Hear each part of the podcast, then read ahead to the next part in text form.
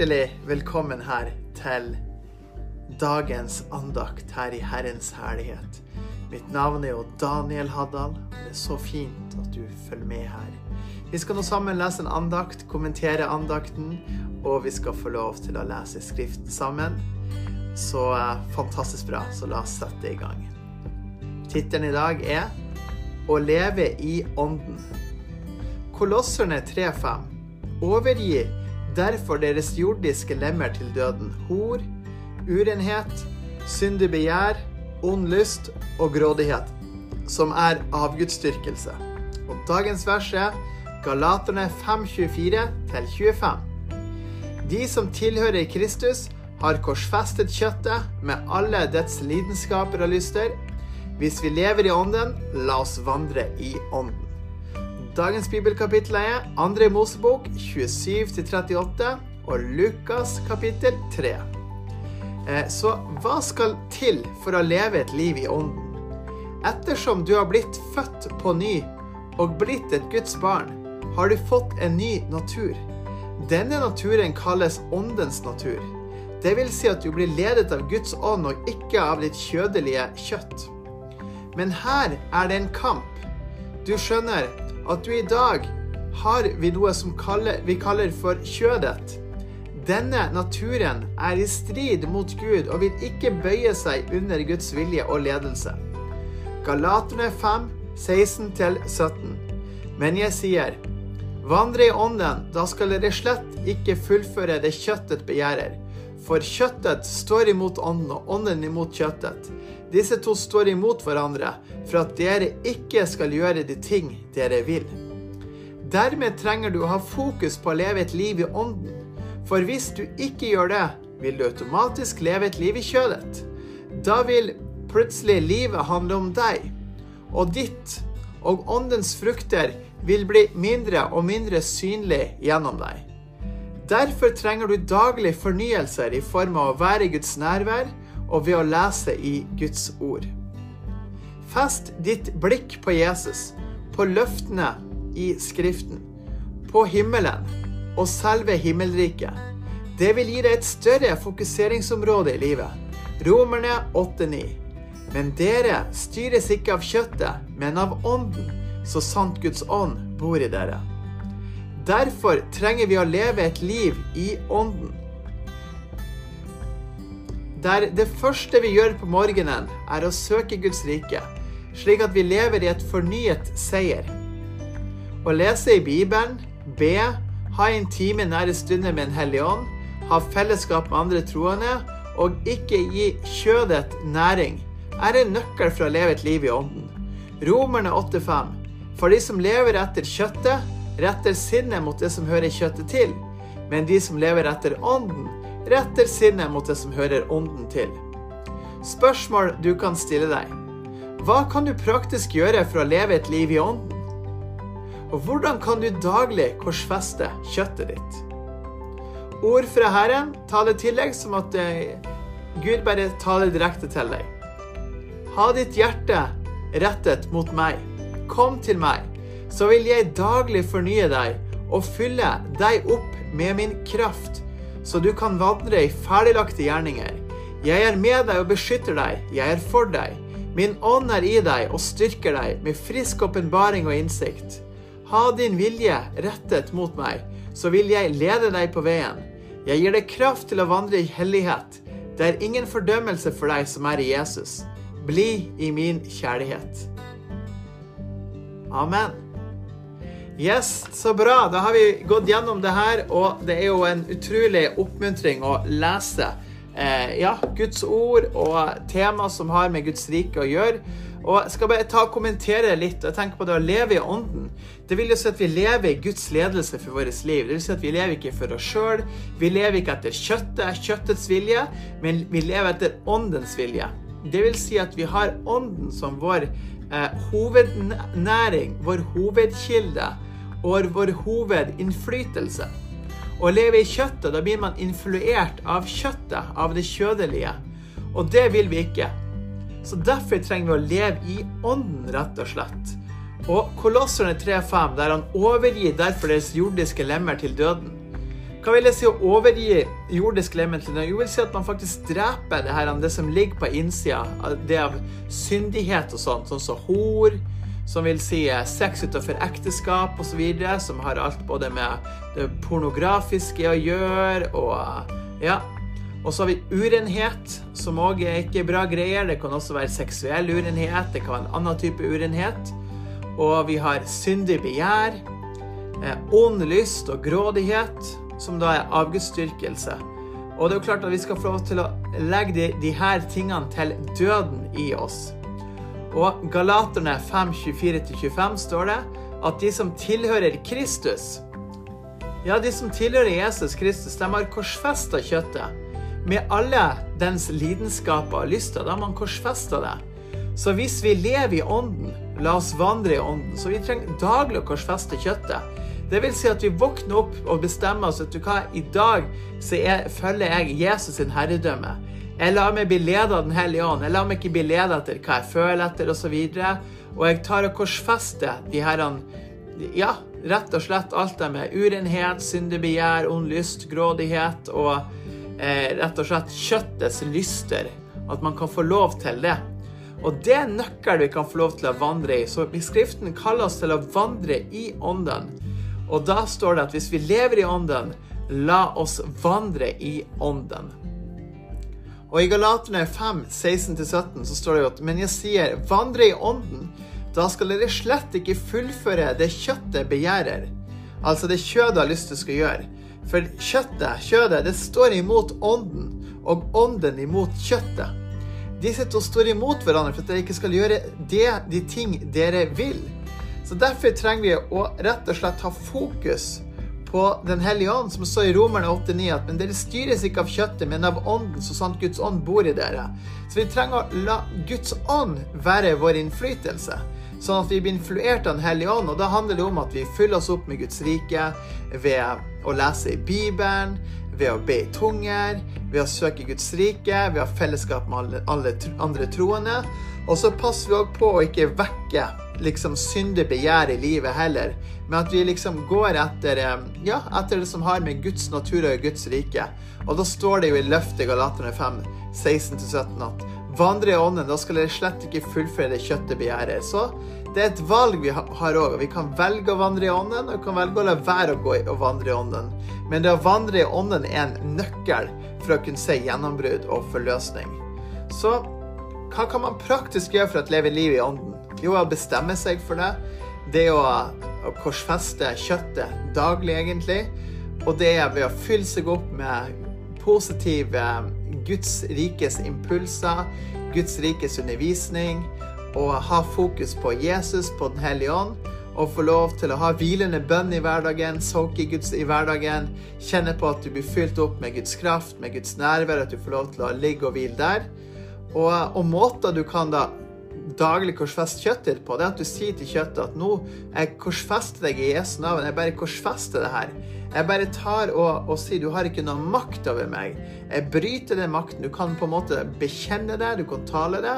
Og så vet vi òg at når du vandrer i ånden, så er du med automatisk og ikke vil etterjage de kjødelige eh, ja, eh, lystne som mennesker ofte kan, kan få.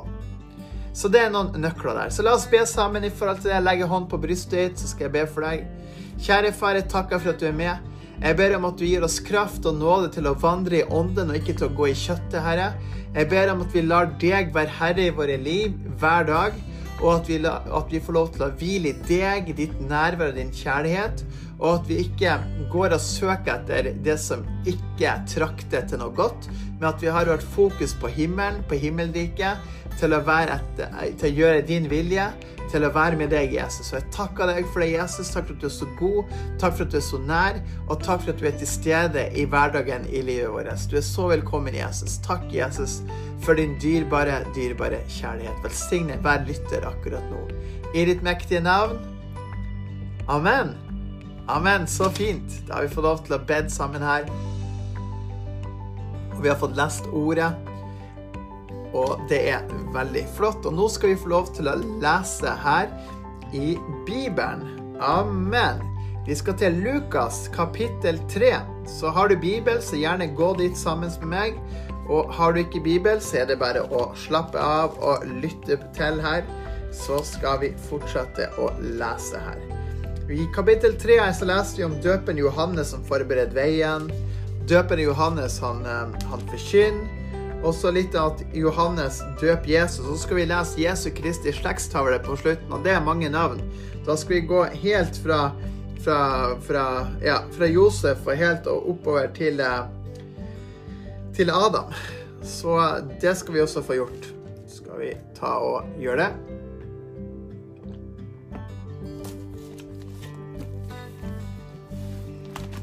Yes, skal vi lese. Lukas kapittel 3. Døperen Johannes forbereder veien. I det 15. året av keiser Tiberius' regjering, mens Pontius Pilatus var landshøvding i Judea, Herodes, fjæringsfyrste i Galilea, hans bror Philip, fjæringsfyrste i Lytrea og Trakonsitt-området og Lysianes fjerdingsfyrste i Abilene. Mens Annas og Kaifas var øverstepresser, kom Guds ord til Johannes, Sakarias sønn i ødemarken. Han gikk inn i hele området rundt Jordan og forkynte omvendelsens dåp til syndenes tilgivelse. Slik det er skrevet i boken med profeten Jesajas ord, der han sier Røsten av en som roper i ødemarken. Rydd Herrens vei, gjør hans stier rette. Hver dal skal bli fylt, og hvert fjell og hver haug senket. De krokete steder skal gjøres rette, og de ujevne veier skal gjøres jevne. Og alle mennesker skal se Guds frelse. Døperen Johannes forkynner. Deretter sa han til folkemengden som kom for å bli døpt av ham. Giftslangers avkom, hvem lærte dere å flykte fra den kommende vrede? Bær da frukt som er omvendelsen verdig, og begynn ikke å si til dere selv, vi har Abraham som far. For jeg sier dere at Gud kan reise opp barn for Abraham av disse steinene. Øksen er allerede lagt ved roten av trærne. Hvert tre som ikke bærer god frukt, blir hogd ned og kastet på ilden. Folket spurte ham, hva skal vi da gjøre? Han svarte dem, den som har to kjortler, skal dele med den som ikke har noen. Den som har mat, skal gjøre på samme måte. Da kom også tollerne for å bli døpt, og de sa til ham, Mester, hva skal vi gjøre? Han svarte dem, Krev ikke inn mer enn det som er Likedan spurte soldatene ham, Hva skal vi gjøre? Skal vi se her Å være tilfreds med deres lønn. Siden folket var preget av forventning, og alle spekulerte i sitt hjerte på om Johannes var Kristus eller ikke svarte Johannes og sa til alle, Jeg døper dere med vann, men han som er sterkere enn jeg, skal komme. Jeg er ikke verdig til å løse sandalremmen hans. Han skal døpe dere med Den hellige ånd og ild. Han har kastet skovlen i hånden og skal rense treskeplassen og samle hveten i låven sin. Men agnene skal han brenne opp med uslokkelig ild. Han forkynte evangeliet for folket sammen med mange andre formaninger. Men han irettesatte fjæringsfyrsten Herodes pga. Herodias, hans bror Philips kone, og for alt det onde han hadde gjort. I tillegg til alt dette onde satte han også Johannes i fengsel. Johannes døper Jesus. Da alt folket ble døpt, skjedde det at også Jesus ble døpt. Og mens han ba, ble himmelen åpnet, og Den hellige ånd kom ned over ham i legemlig skikkelse som en due. Og det lød en stemme fra himmelen som sa, Du er min sønn, den elskede, i deg har jeg velbehag. Jesu Kristi slektstavle. Jesus selv begynte sin virksomhet da han var omkring 30 år gammel, og han var, etter det folk mente, sønn av Josef, sønn av Eli, sønn av Matat, sønn av Levi, sønn av Melki, sønn av Janai, sønn av Josef, sønn av Matatja, sønn av Amos, sønn av Nahum, sønn av Esli, sønn av Nagai, sønn av Mahat, sønn av Matatja, sønn av Shimi, sønn av Josek, sønn av Joda, sønn av Johanan, sønn av Reza, sønn av Serubabel, sønn av Shealittel, sønn av Neri, sønn av Melki, sønn av Adi, sønn av Kosam, sønn av Almadam, sønn av Er, sønn av Josva, sønn av Elieser, sønn av Jorim, sønn av Matat, sønn av Levi, sønn av Simon, sønn av Juda, sønn av Josef, sønn av Jonam, sønn av Eliakim, sønn av Melea, sønn av Manna, sønn av Matata, sønn av Natan, sønn av David, sønn av Isai, sønn av Obed, sønn av Boas, sønn av Salmon, sønn av Nahasjon, sønn av Aminadav, sønn av Ram, sønn av Hesron, sønn av Peres, sønn av Juda, sønn av Jakob, sønn av Isak, sønn av Abraham, sønn av Tara, sønn av Nahor, sønn av Serug, sønn av Rehu, sønn av Peleg, sønn av Eber, sønn av Shela, sønn av Kenan, sønn av Arpaksiad, sønn av Sem, sønn av Noah, sønn av Lamek, sønn av Metusla, sønn av Henok, sønn av Jared, sønn av Mahalal, sønn av Kenan, sønn av Enosh, sønn av Set, sønn av Adam, Guds sønn.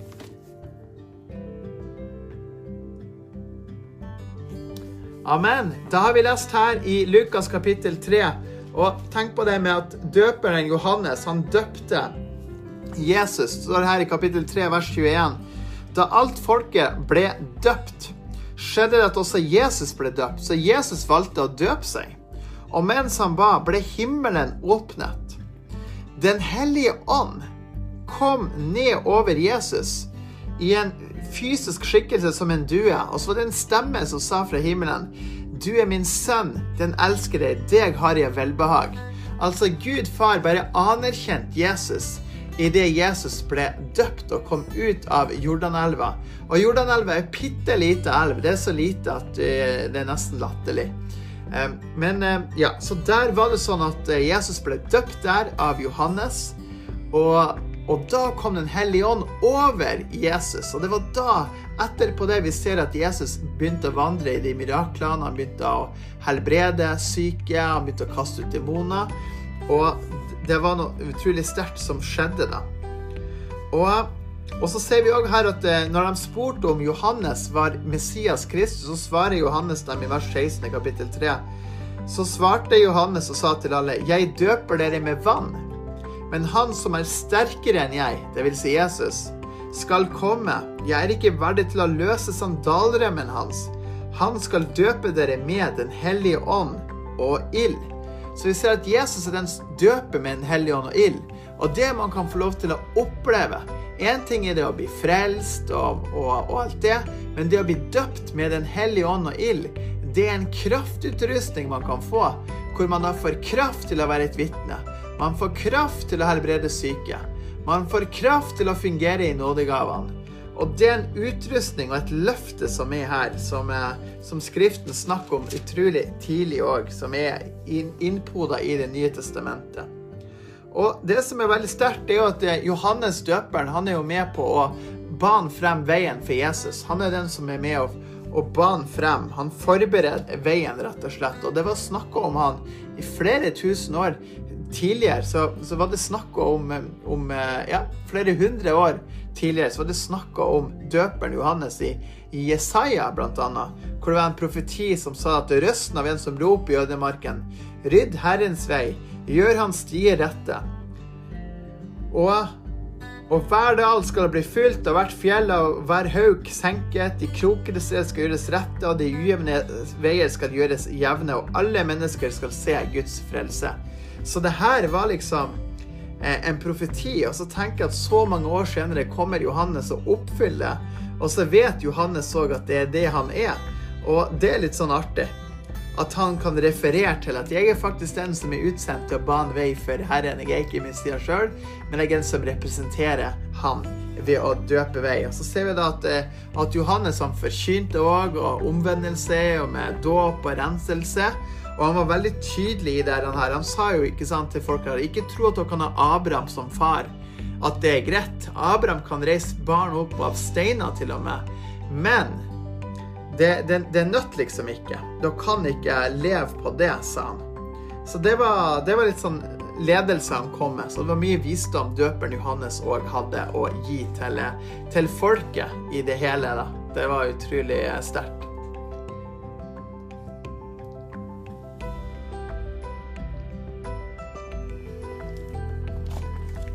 All right. Da skal vi videre til andre Mosebok og lese der. Da skal vi til andre Mosebok, kapittel 27 Nei, unnskyld, 37 til um, 38 her. La oss gå der.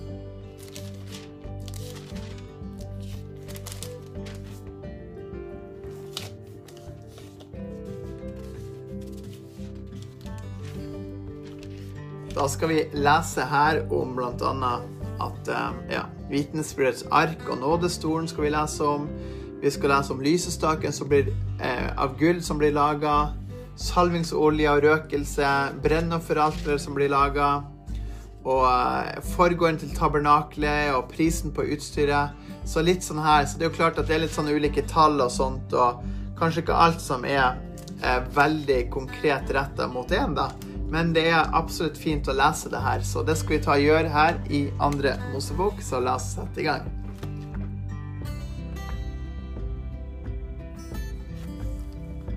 Andre Mosebok, kapittel 37. Vitnesbyrdets ark og nådestolen. Så lagde Besalel arken av akasietre. Den var to og en halv alen lang 1,5 alen bred og 1,5 alen høy. Han kledde den med rent gull, både på innsiden og utsiden, og lagde en list av gull helt rundt den. Han støpte også fire ringer av gull til den, som skulle settes i de fire hjørnene. To ringer på den ene siden og to ringer på den andre siden av den. Han lagde stenger av akasietre og kledde dem med gull. Han satte stengene i ringene på siden av arken, så arken kunne bæres. Han lagde også nådestolen av hamret gull.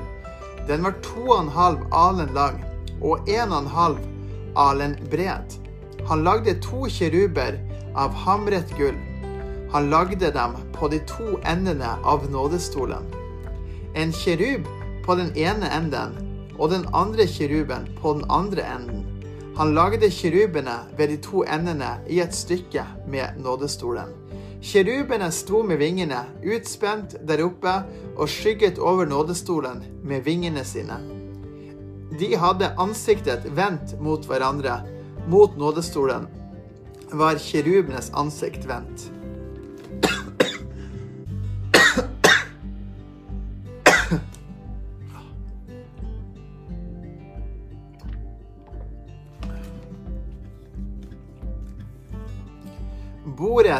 Til skuebrødet blir lagd. Han lagde bordet av akasietre. Det var to alen langt. En alen bredt og en halv alen høyt. Han kledde det med rent gull og lagde en list av gull rundt det. Han lagde også en ramme på en håndsbredd rundt det og en list av gull til rammen rundt. Han støpte fire ringer av gull og satte dem i de fire hjørnene ved de fire beina. Ringene satt like ved rammen som holdere for stengene som skulle brukes til å bære bordet med. Stengene som bordet skulle bæres med, lagde han av akasietre og kledde dem med gull. Alt utstyret som skulle stå på bordet, lagde han av rent gull. Fatene, karene, skålene og kannene til bruk når drikkofferet ble båret fram. Lysestaken av gull blir lagd. Han lagde også lysestaken av rent hamret gull. Foten på den, armene, begrene, knoppene og blomstene var av ett og samme stykke. Seks armer kom ut fra sidene på den. Tre armer kom ut på den ene siden av lysestaken, og tre armer kom ut på den andre siden av lysestaken. Det var tre begre som var formet som mandelblomster på den ene armen, med en knopp og en blomst. Og tre begre som var formet som mandelblomster på den andre armen, med en knopp og en blomst. Slik var det på de seks armene som kom ut fra lysestaken. På selve lysestaken var det fire begre som var formet som mandelblomster, hver med sin knopp og blomst.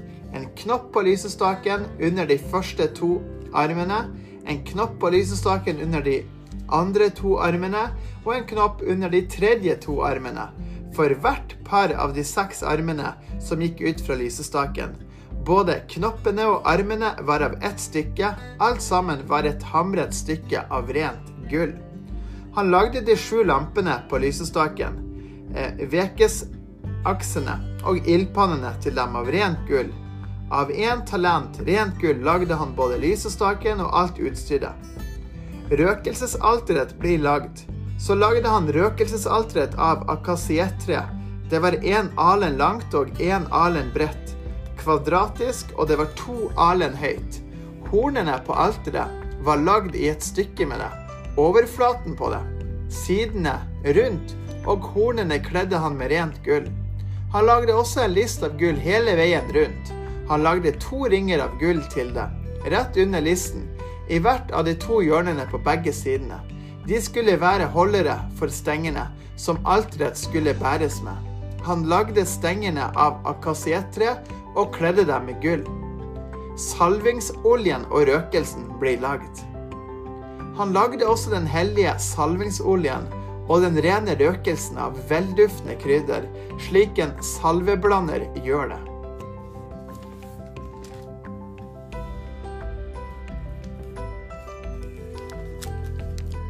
Kapittel 38 Brennofferalteret blir lagd så lagde han brennofferalteret av akasietre. Det var fem alen langt og fem alen bredt, kvadratisk og tre alen høyt. Han lagde hornene i de fire hjørnene. Hornene var ett stykke med alteret, og han kledde det med bronse. Så lagde han alle redskapene til alteret. Karene, skuffene, skålene, gaflene og ildpannene. Alle redskapene til alteret lagde han av bronse. Han lagde også en rist av bronsenetting til alteret, under kanten på det, så det nådde halvveis opp på alteret. Han støpte fire ringer til de fire hjørnene på bronsegitteret, som holdere for stengene. Han lagde stengene av akasietre og kledde dem med bronse. Så satte han stengene i ringene på siden av alteret, så alteret kunne bæres. Han lagde alteret hult med plankebord. Renselseskaret av bronse blir lagd. Han lagde renselseskaret av bronse og sokkelen av bronse. Det var lagd av speil fra kvinnene som gjorde tjeneste. De som tjente ved døren til åpenbaringsteltet. Forgården til tabernaklet blir lagd.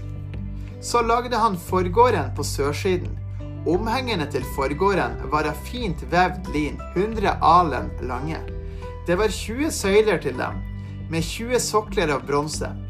Krokene på søylene og beslagene var av sølv. På nordsiden var omhengene 100 alen lange, med 20 støtter og 20 sokler av bronse. Krokene på søylene og beslagene på dem var av sølv. På vestsiden var omhengene 50 alen, med ti søyler og ti sokler. Krokene på søylene og beslagene på dem var av sølv. På østsiden var omhengene 50 alen. omhengene på den ene siden av porten var 15 alen lange. Med de tre søylene og de tre soklene til dem, det samme var det på den andre siden av porten, til forgården. På denne siden og på den andre var omhengene 15 alen. Med de tre søylene og de tre soklene til dem. Alle omhengene rundt hele forgården var av fint, vevd lin. Soklene til søylene var av bronse. Krokene til søylene og beslagene på dem var av sølv. Alle søylene i forgården hadde beslag av sølv. Teppet i porten til forgården var av vevd av fiolett, purpur og skarleggenfarget garn og av fint vevd lin. Lengden var 20 alen, og høyden var 5 alen langs hele teppet, slik som omhengene i forgården. Det var fire søyler med fire sokler av bronse. Krokene var av sølv, og søylehodene var kledd med sølv, og beslagene var av sølv.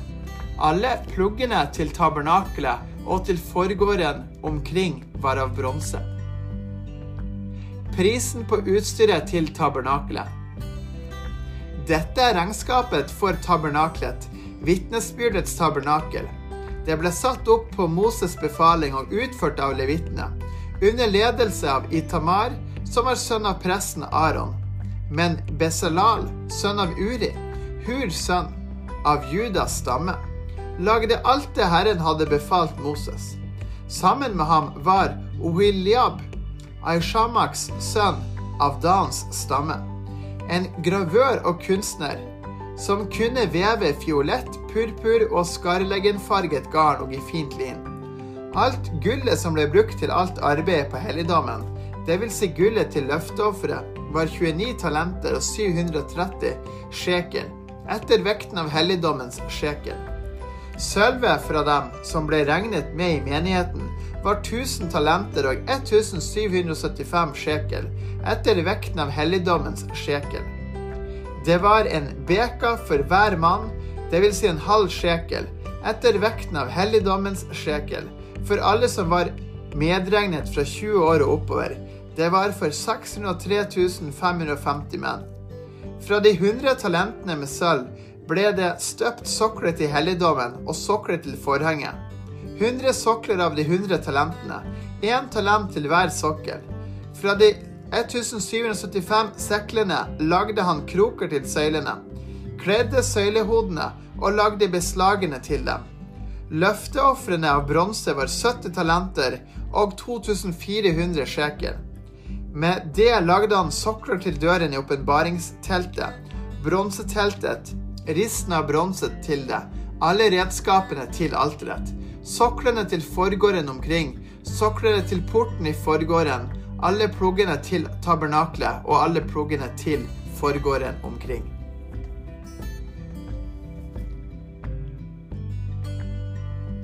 Yes, da har vi fått lest her i eh, kapittel 37 og 38 om eh, utstyr til tabernaklet, og hvordan forgården til tabernaklet ble, lagd, og ja. Og det er jo lysestaken osv., så, videre, så det er jo absolutt innafor og spennende. Og det er en del av det som har med Mosebøkene å gjøre. Og det er veldig fint å få med hele historien. Så det å lese Bibelen i seg sjøl er veldig bra. Det er veldig godt å lese Bibelen. Så gjerne prøv å få deg litt vaner på å lese Bibelen, og gjerne følg med på andaktene her, for det kan være med virkelig å styrke deg. og Følg med her daglig, så vil du ha lest Bibelen på ett år. Det er jo ikke dårlig i det hele tatt. Så um, da må du være rikelig velsigna, og tusen takk for at du har fulgt med her. Veldig, veldig fint. Jeg satte veldig pris på det. Må Gud velsigne deg rikelig og fylle opp med sin fred, med sin kjærlighet og med sin nåde. Så må du ha en utrolig, utrolig fin dag videre. Ha det godt så lenge.